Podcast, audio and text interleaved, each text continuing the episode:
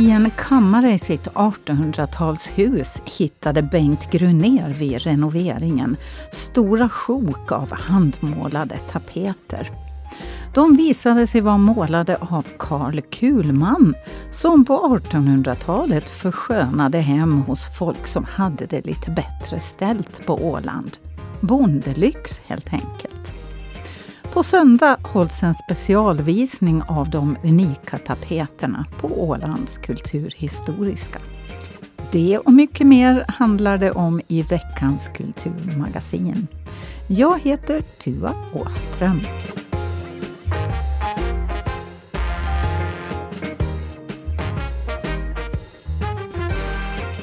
Men vi ska börja med en glädjande nyhet för alla danslystna. För i sommar kommer det att hållas en dansbandsfestival på Föglö som, om det blir lyckat, är tänkt att bli ett återkommande evenemang. Bland annat orkestrar som Mats Blads och Lars Kristers kommer att uppträda. God morgon ringde upp Conny Jansson som är en av dem som ligger bakom festivalen. Vi har ju haft dansevenemang sådär under sommarmånaderna på helger och, och vissa dagar sådär i, i ganska lång tid tillbaka. Så, så därav så kom väl idén den vägen då. Men är det inte ett ganska stort steg då att gå ifrån eh, dansband nu och då till en, liksom en hel festival? Eh, det kan man väl nog tycka förstås. Men, men som sagt man har haft tid att planera under en längre tid här nu så det känns som att, att alla delar borde kunna vara på plats. Finansieringen, hur, eh, hur har det gått? Hur ser det ut? Ja, finansiering och finansiering. Man får väl, man får väl försöka se till att man har pengar på kontot den dag man ska betala helt enkelt. Och det har vi räknat ut att vi ska borde ha. Är det liksom eh, tankar på att det här ska bli någon slags liksom Ålands svar på så här Malungs dansbandsvecka? Ja, inte riktigt svar då för eftersom alltså ja, vi är ju fortfarande ute på skärgårds och så här men, men kanske ett komplement för folk som, som liksom vill lyssna på just de här banden och, och kanske hitta dem på lite närmare håll än, än just i Malung. Då, så. Blir det lyckat och man kan fortsätta med det så är tanken att man ska kunna ha det som ett återkommande evenemang helt enkelt. Det sa Conny Jansson som intervjuades av Peter Grönholm. Årets fotograf i fotoklubben Obscura heter Lennart Alexandersson. Igår var det vernissage för hans utställning Photos for Music Lovers nere i Mariehamnsmuseet. Det var det här vanliga landskap, natur, stadsmiljöer, stilleben och allt annat. Men när den här platsen dök upp, att det blir här i, i det här som har varit en rockpub och vad man kan kalla det. Så då tänkte jag att det blir ganska bra med åländska artister. Så då började jag plocka ut lite åländska artister. Och, så det är egentligen åländska musiker på bilderna. Vad är det som är liksom roligt med att fotografera det?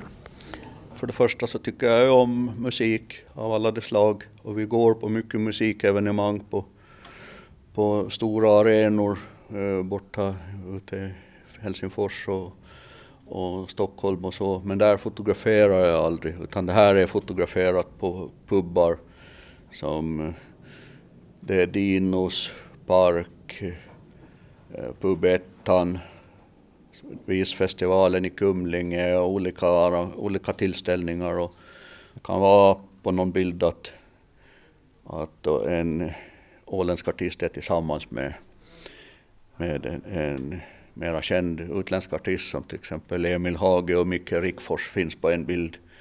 Men eh, då har, det, då har det fått komma med en utländsk artist på samma bild. Då. Så det är lite så tänkt. Så att Micke Rickfors och Lasse Berghagen de är med på nåder? ja, de är med på nåder. Och Lasse Berghagen leder väl en stor kör där på bilden just på sån här 25 juli-konsert. Men när man tittar på de här bilderna, åtminstone de flesta, så har genomgått en hel del liksom bearbetning efter, efter att de är fotade?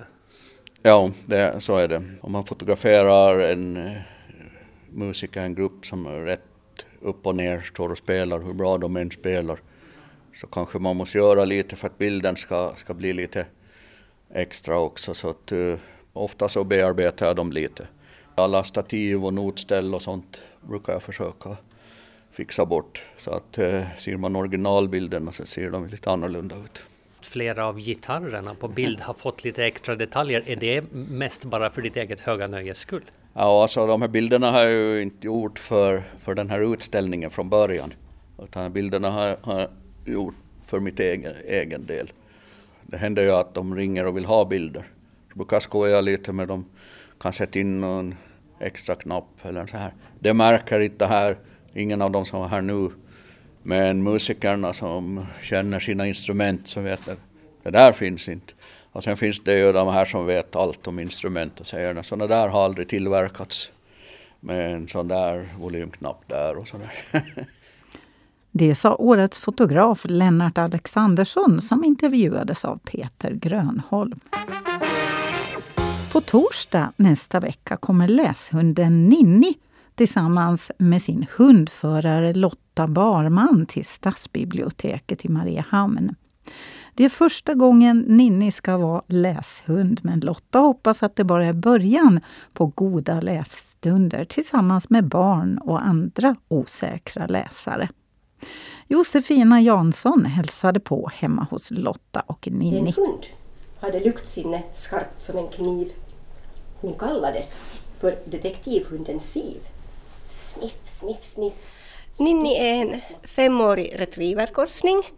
Nå, hennes egenskaper som är det viktigaste, just med tanke på det vad vi gör, så det är det att hon ska vara öppen, tycka om alla människor, både bekanta och obekanta, vilja hälsa på dem, vara lekfull och sen förstås att hon är trygg i alla situationer oberoende vem hon möter och vilka situationer det än är och platser. Och var fick du idén till att hon skulle bli terapihund eller läshund som hon ju också kommer att vara nu då? Jag hörde om det via kompisar på fastlandet som sysslar med det i Vasa.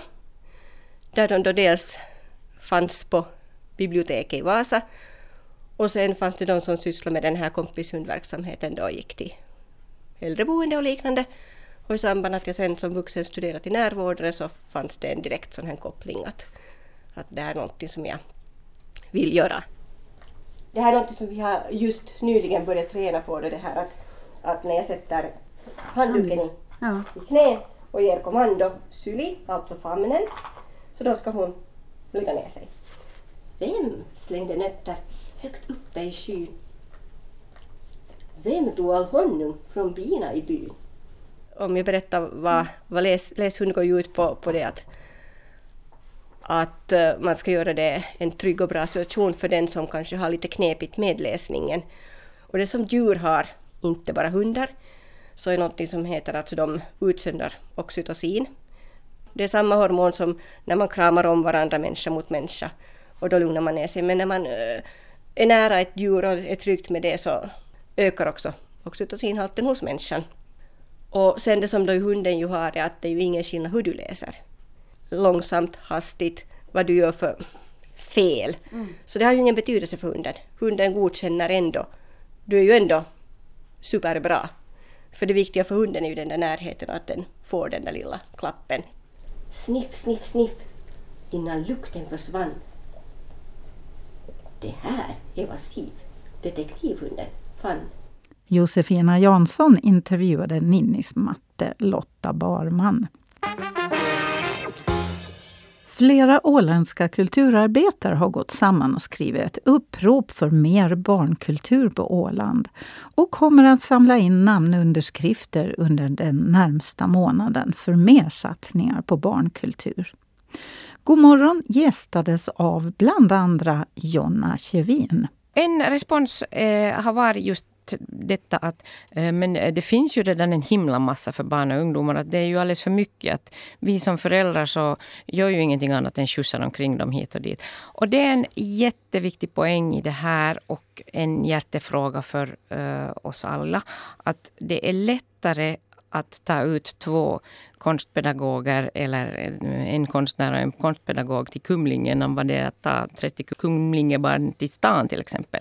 Eh, det finns väldigt mycket, stort utbud av konst och kultur i tätorterna och hemma i byarna finns väldigt lite. Och det är också en hållbarhetsfråga. Vi ska inte behöva skjutsa barn och unga eh, till alltså vara aktivt välja ut och, och liksom skjutsa dem dit, utan de ska kunna gå dit själva. Och den andra grejen är just det att eh, många föräldrar har en, en stor press och stress på sig att förse barnen med fritidsaktiviteter. Och eh, det ska det inte heller behöva vara. Det ska vara så att man ska kunna hemma i den egna byn få den här kulturfostran som varje människa har rätt till. Det sa Jonna Kjevin. Och mer om de åländska kulturarbetarnas tankar kring barnkultur kan du höra i hela intervjun som ligger på vår hemsida under fliken God morgon. Intresseföreningen för psykisk hälsa, Reseda, släpper en bok med texter skrivna av personer med psykisk ohälsa.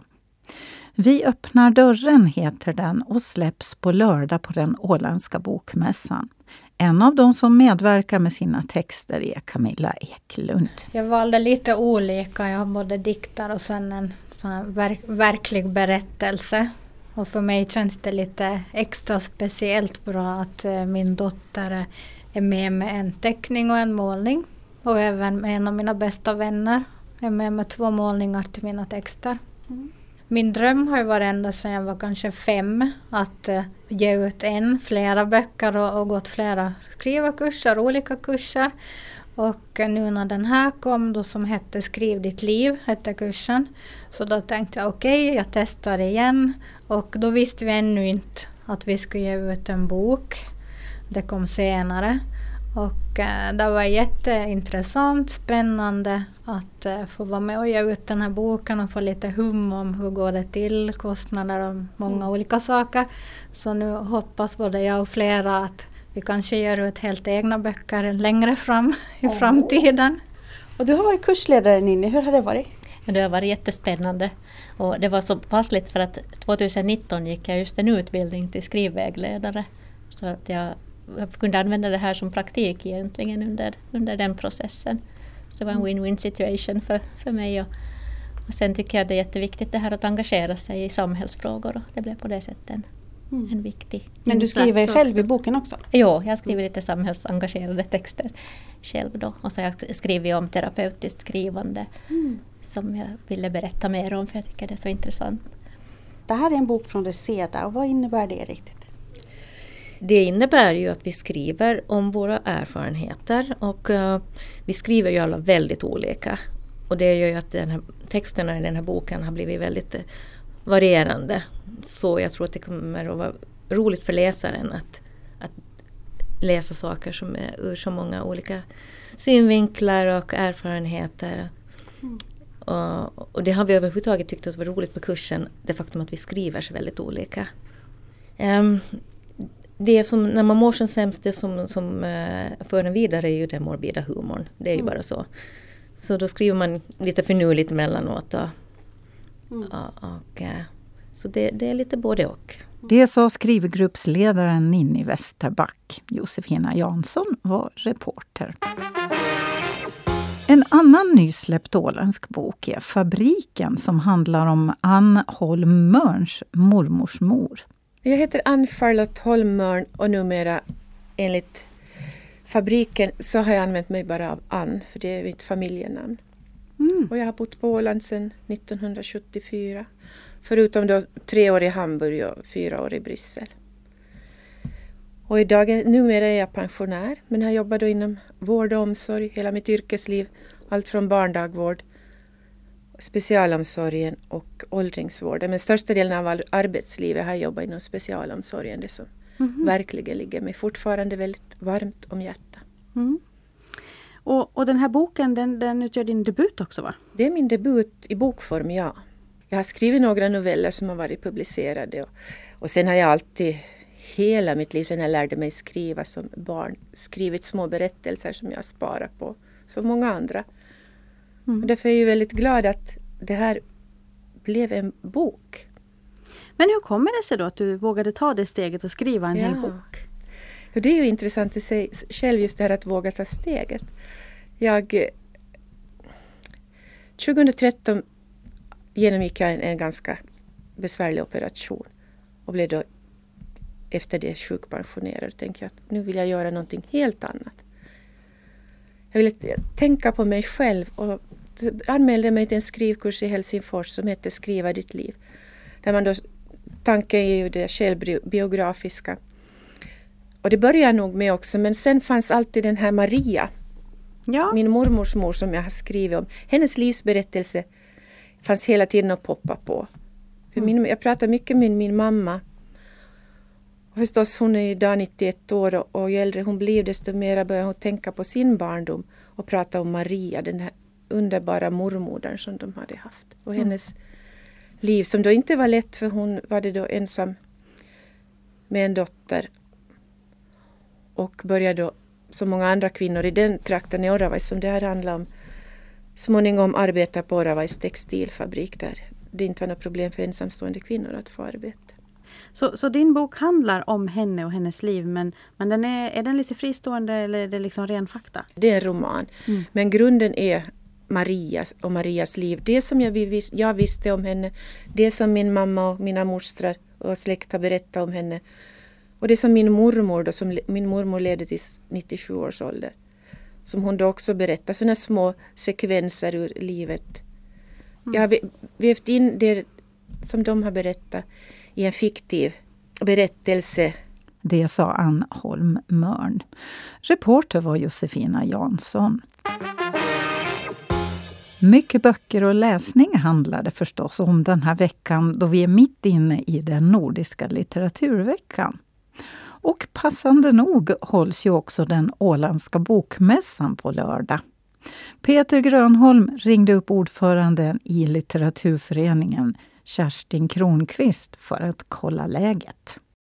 Läget är nog alldeles under kontroll. Vi har ju eh, egentligen bara det praktiska eh, framför oss mera det här att, att liksom möblera upp den här bokmässan på Alandeka då på, på lördag morgon. Det är mycket, många, många evenemang på gång så, så, så det där. Och vi kommer att, att ha det då på lördag mellan 11 och 3 i Alandika. Just det. Uh, det händer ju lite olika saker. Ni har något barngippo. Vad är det för någonting? Faktiskt, uh, på lördag så är det ju så är det barnkonventionens dag. Och eh, vi eh, kommer ihåg det på det sättet att vi har ordnat ett barnprogram. Linda Bergendahl kommer att läsa ur boken Pussel av eh, Karin Erlandsson och Hanna-Marie Råhonen för Eh, det här om funktionshinder för de allra yngsta där i foajén klockan 11.20 och det är ju både, både liksom en, en, en eh, till, till barnkonventionsdagen och också till den nordiska litteraturveckan där det här blir en del av det här liksom kuragryning så att säga med högläsning för barnen. Och sen är det ju lite olika boksläpp som jag förstår det. Det är faktiskt det är ännu, mer, ännu fler än vad vi har annonserat om. Uh, Kjell Ekström kommer ju att släppa sin My Trip to Japan, min resa till Japan.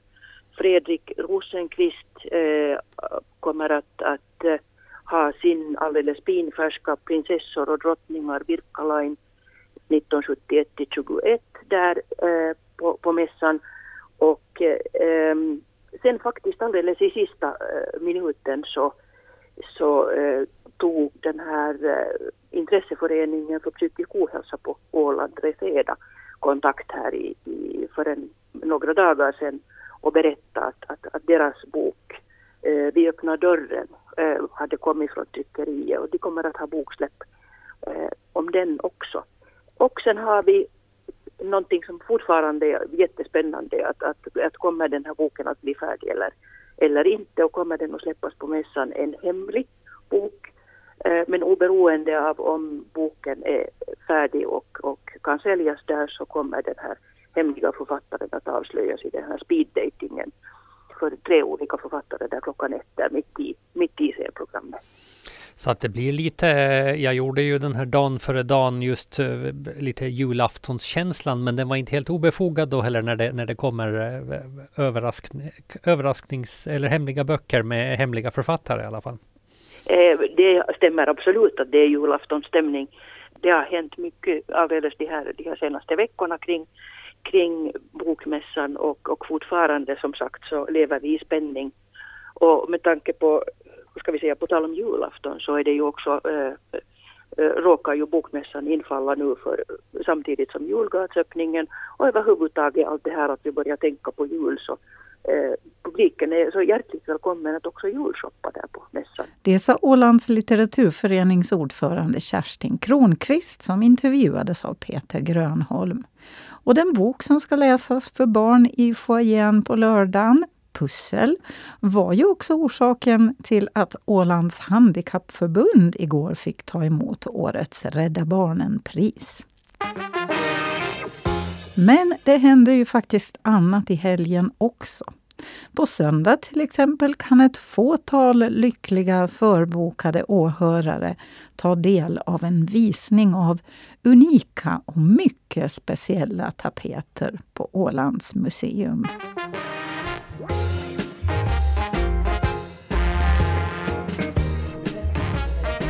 Alltså vi har kommit in i ett eh, ganska tomt rum. Det brukar vara allt möjligt här. Det brukar vara, vara olika föreläsningar om diverse olika eh, saker och så. Det brukar också vara för, utställningar här. Men här är nu en, en träställning med ett vitt skynke över som, som tas bort. Och här ser jag ju redan nu vartåt det barkar. Det här är ju det här är ganska mycket. Jag trodde det bara var en. Ja. Hej, du får presentera dig först. Hej, jag är Susanne Konservator och det där, nu håller vi på att plocka fram de här tapeterna. Det här är egentligen, som du undrar, så det är frysvagn. De här, liksom, bor de i frysen till vardags? Nej, nej de har inte varit i frysen men, men det där är så praktiskt den här vagnen liksom. Ah, ja, med, med hullplan, flyttbara hullplan. Precis.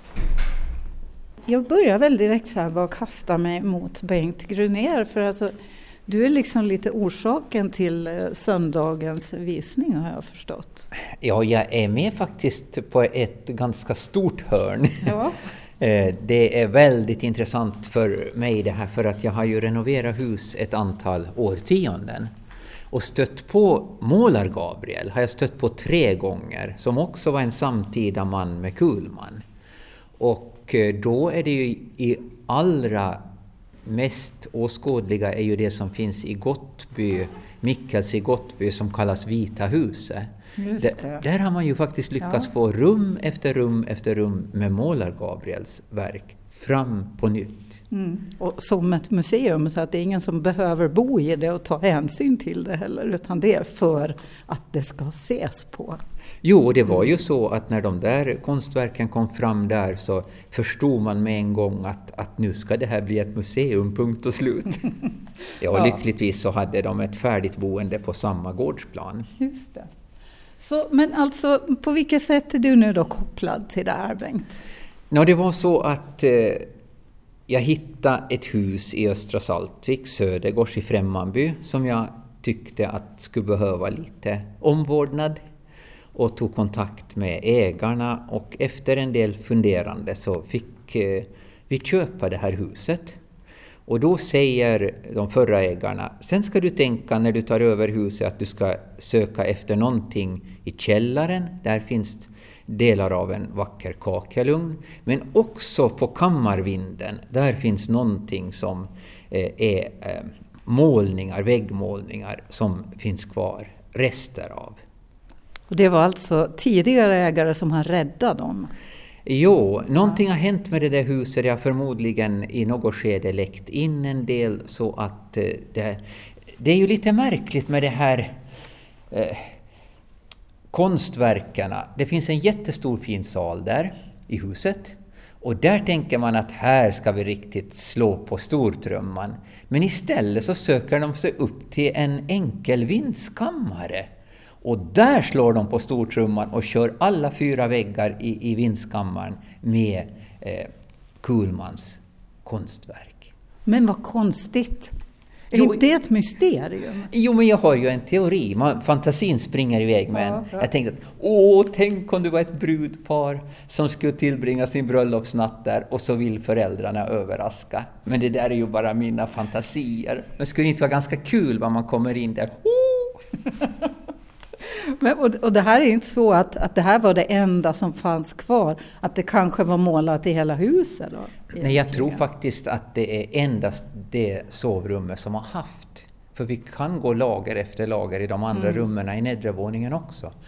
Och sen hittar vi och det var lite julafton för oss, för då skar vi bort eh, snören och så hittade vi också rullgardin som var jättefin och som storleksmässigt passade till de två fönster som finns i det där sovrummet. Så jag tror att också Kullman fick måla rullgardinen. Vad har ni för teorier, Hanna? Vad har du för teori? Min teori egentligen är att huset kanske skulle vara lite äldre än vad Bengt uh, har hittat för siffra uh, i huset. Och att de kanske skulle ha varit uh, salens tapeter tidigare som skulle ha flyttats till kammaren, kanske man har förnyat salen. För att det finns en skarv i de här resterna som inte riktigt stämmer så som Kuhlman skulle ha planerat den där skarven. Så kanske har man tagit tapeterna från ett annat rum. Det är en teori att de skulle ha funnits där nere i salen i början. Men eh, igen, det är teorier. Det är ingen som vet det här. Eh, är det inte lite roligt ändå med sådana här lite mysterier? Visst är det det. Och eh, ja, just det här att eh, inte hade jag i alla fall hört talas om eller sett i någon källa att det skulle ha funnits kulmansmålningar i det huset som Bengt håller på med. Så att det är också fint att det kan finnas skatter överallt på Åland som vi inte vet någonting om ännu. Så att det är ju jättefint. Så det här, det här kan liksom hända igen då? No, men det skulle ju vara utmärkt om det gjorde det, fast inte kan man hoppas för för mycket. Det här är redan såna nationalskatter tycker jag, att, att, att det är helt underbart att de har hittats. Men vad jag tycker är så häftigt med de här verkarna är de här superklara, härliga färgerna som har bevarats. Att den är riktigt... Man blir glad när man ser dem. Det är just det också att till exempel att ingen har tapetserat över dem, vilket har hänt också i vissa hus. Att, att till exempel i Kastelholms eh, karaktärsbyggnad, Kastelholms kungsgård, så har man ju hittat på 80-talet Kuhlmans Bomarsundstapet som fanns under flera lager av andra tapeter. Så att då kanske märker man inte vad som finns där och så river man bara bort. Eller, ja, så att det här har aldrig behövts ja, på det sättet restaurerats under andra lager. Så det är säkert en orsak till att det finns så fina pigment kvar. Mm. Så, så ni museifolk, ni, ni, ni ser det här som en riktig så här wow upplevelse. No, no, Halleluja moment. ja, no, absolut. Och också för att uh, man vet att han har målat i färg men just att de flesta finns ju i såna här gråskala mm. eller sepia-skala. Så att på det sättet att ha så lysande fina färger så det är inte så hemskt ofta man stöter på det. Mm. Men om vi plockar fram ja, här. Absolut, jag flyttar på mig så lyfter eh, damerna ner en sån här kanalplastskiva sånt som man har på växthustaken. Det är hopvecklat det här. Är man inte rädd att man ska liksom spräcka det och knäcka det och att, att pigmentet ska ramla av? Hur mycket skadas de av att ligga ihop så här? Jo, de gör det säkert lite, men man är väldigt försiktig. Så det, där. Så det här pappret är ganska tjockt och styvt så, wow. så på det sättet. Oj, oj, oj, nämen! Vilket rum det måste ha varit, Bengt! Jo, det är också roligt att man har försökt eh, skapa marmorering ungefär en 70-80 cent från golvet och upp. Ja. Och sen kommer de här fantastiska. Och det där rummet har nämligen bara 2,20 i takhöjd när det är en vindskammare. Så, så det, ändå har de fått plats och Hanna vet tydligen vilken byggnad det här är som vi ser nu. Det är alltså en stor vit byggnad, ser ut som ett stenhus. Hanna nickar, jag är, jag är rätt ute. Det, det, är mycket stenhus här. Det är också en, en, en, en vik eller en, en, en älv eller någonting. Det är, ett, det är ett vackert grönt lusthus, väderkvarnar. Är, det, är vi på Åland? Nej, vi är i Åbo skärgård. Aha. Och vi är vid uh, Björkboda som är uh, gården som också har tillverkat senare lås och sånt. Så att uh, en sån här fabriks, ja, storgård. Och uh, den här målningen är så som Kuhlman brukade använda litografier som förlagor. Ja, så att bilden finns i Finland framställd i teckningar ritat av eh, Johan Knutsson som var en svensk konstnär som reste runt just eh, egentliga Finland och Åland och gjorde de här bilderna till Finland framställd i teckningar. Och därifrån har sen Kuhlman tagit sina modell och målat de här färgerna till också. Men, men hur kommer det sig att, att det inte blev ett åländskt motiv då? Var det bara så att det här var pampigare? fanns inte så mycket pampiga byggnader på mm. Åland mm. eller? No, jo, kanske det också. Och just sen, nog har han använt uh, i andra sammanhang också till exempel Kastelholms slott mm, mm. och uh, Saltviks kyrka finns ofta också någonstans i bilden, även om inte som huvudsak så no, någonstans på bakgrunden. Ja. Uh, och uh, sen så, ja, men det här motivet just med Björkboda verkar som att det har varit en av hans favoriter för att den har vi i olika former. Vi har den på rullgardiner också som han ah. har målat. Så att uh, vi vet ju inte om det är så att beställaren fick kolla på hans bilder och säga att den där vill jag ha, eller var det så att han gillade den mest. Men den här har han använt väldigt mycket. Men alltså hur, nu, nu är det här ju, alltså de handskas med, med handskar och väldigt så här varligt med det. Hur liksom förvarar ni den här utställningen, eller de här grejerna hemma?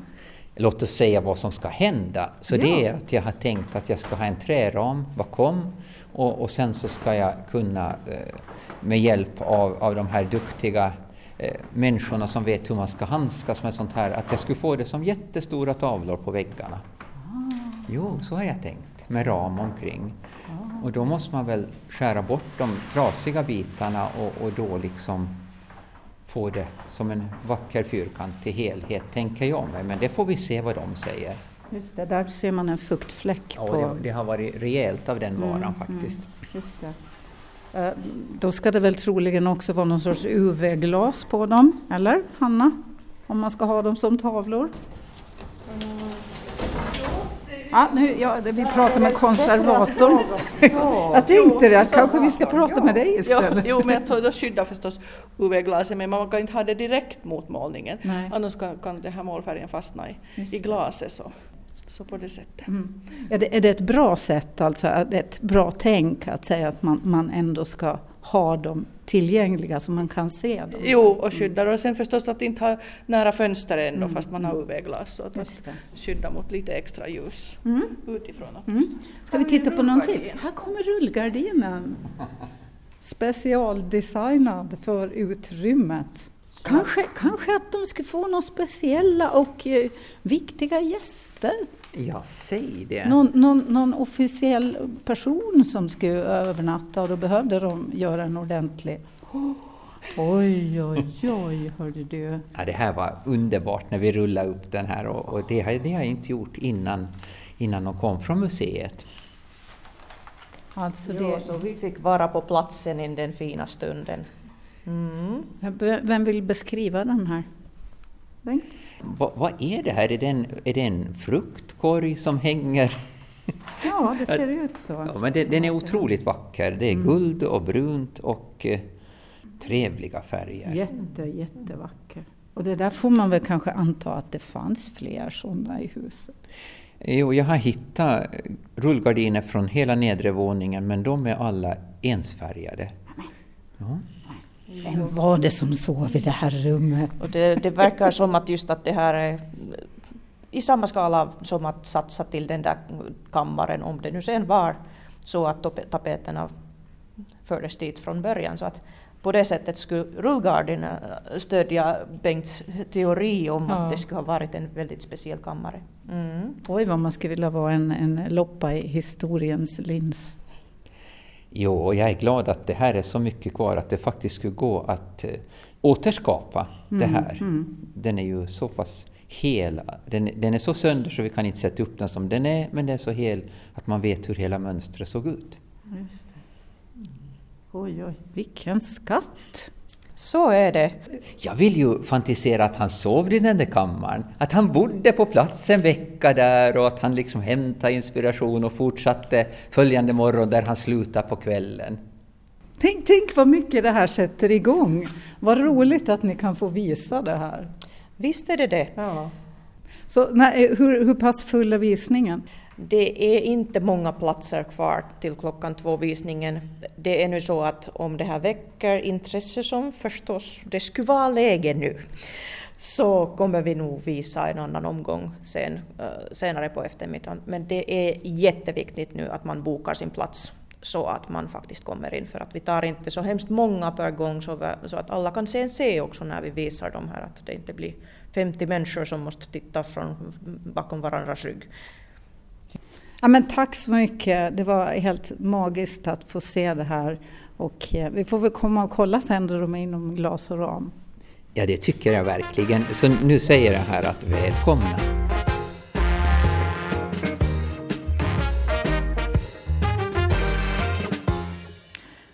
Och det är alltså ett begränsat antal personer som kan komma på visningen. Men Hanna Leppänen lovade ju en extra visning på eftermiddagen om intresse blir stort. Men då måste man ringa nu och boka. Vad i övrigt händer i helgen? Ja, utställningar har vi ju berättat om i flera program och eh, de finns ju att se lite varstans. Och det senaste tillskottet i floran är ju Lennart Alexanderssons fotoutställning på Mariehamnsmuseet som vi hörde om här lite tidigare i programmet. Ikväll hålls en litterär soaré på Alandica med panelsamtal, barnkör, dans och musik med start klockan 19.30. Det är också premiär ikväll klockan 19 för Teaterföreningens fars Förlovningen på Stadshusscenen. Fram till och med den 5 12 kommer det att ges ytterligare sex föreställningar av den. På lördag uppträder sångerskan Sofia Ullman på Ålands kulturhistoriska klockan 14 på dagen med pianospel och sång. Och på lördag och söndag hålls också berättarkvällar på Stallhagen med både etablerade författare och mer folkliga berättare. Där börjar programmet klockan 19. Bokmässan på Alandica mellan 11 och 3 på lördagen har vi ju berättat om lite grann redan. Och klockan 19 på lördag kväll tävlar åländska unga talanger i sångtävlingen Deluxe på Alandica klockan 19. I helgen är det också vinterdagar på Önningebymuseet som håller öppet lördag och söndag. Och på söndag håller Kjell Ekström också öppen ateljé en liten bit ifrån museet. Och så visningen av Kulmans tapeter då på söndag på Kulturhistoriska. Härligt ändå att så mycket händer en kulen novemberhelg, eller hur? Det var allt för idag. Ha en trevlig helg! Varför inte? I litteraturens tecken.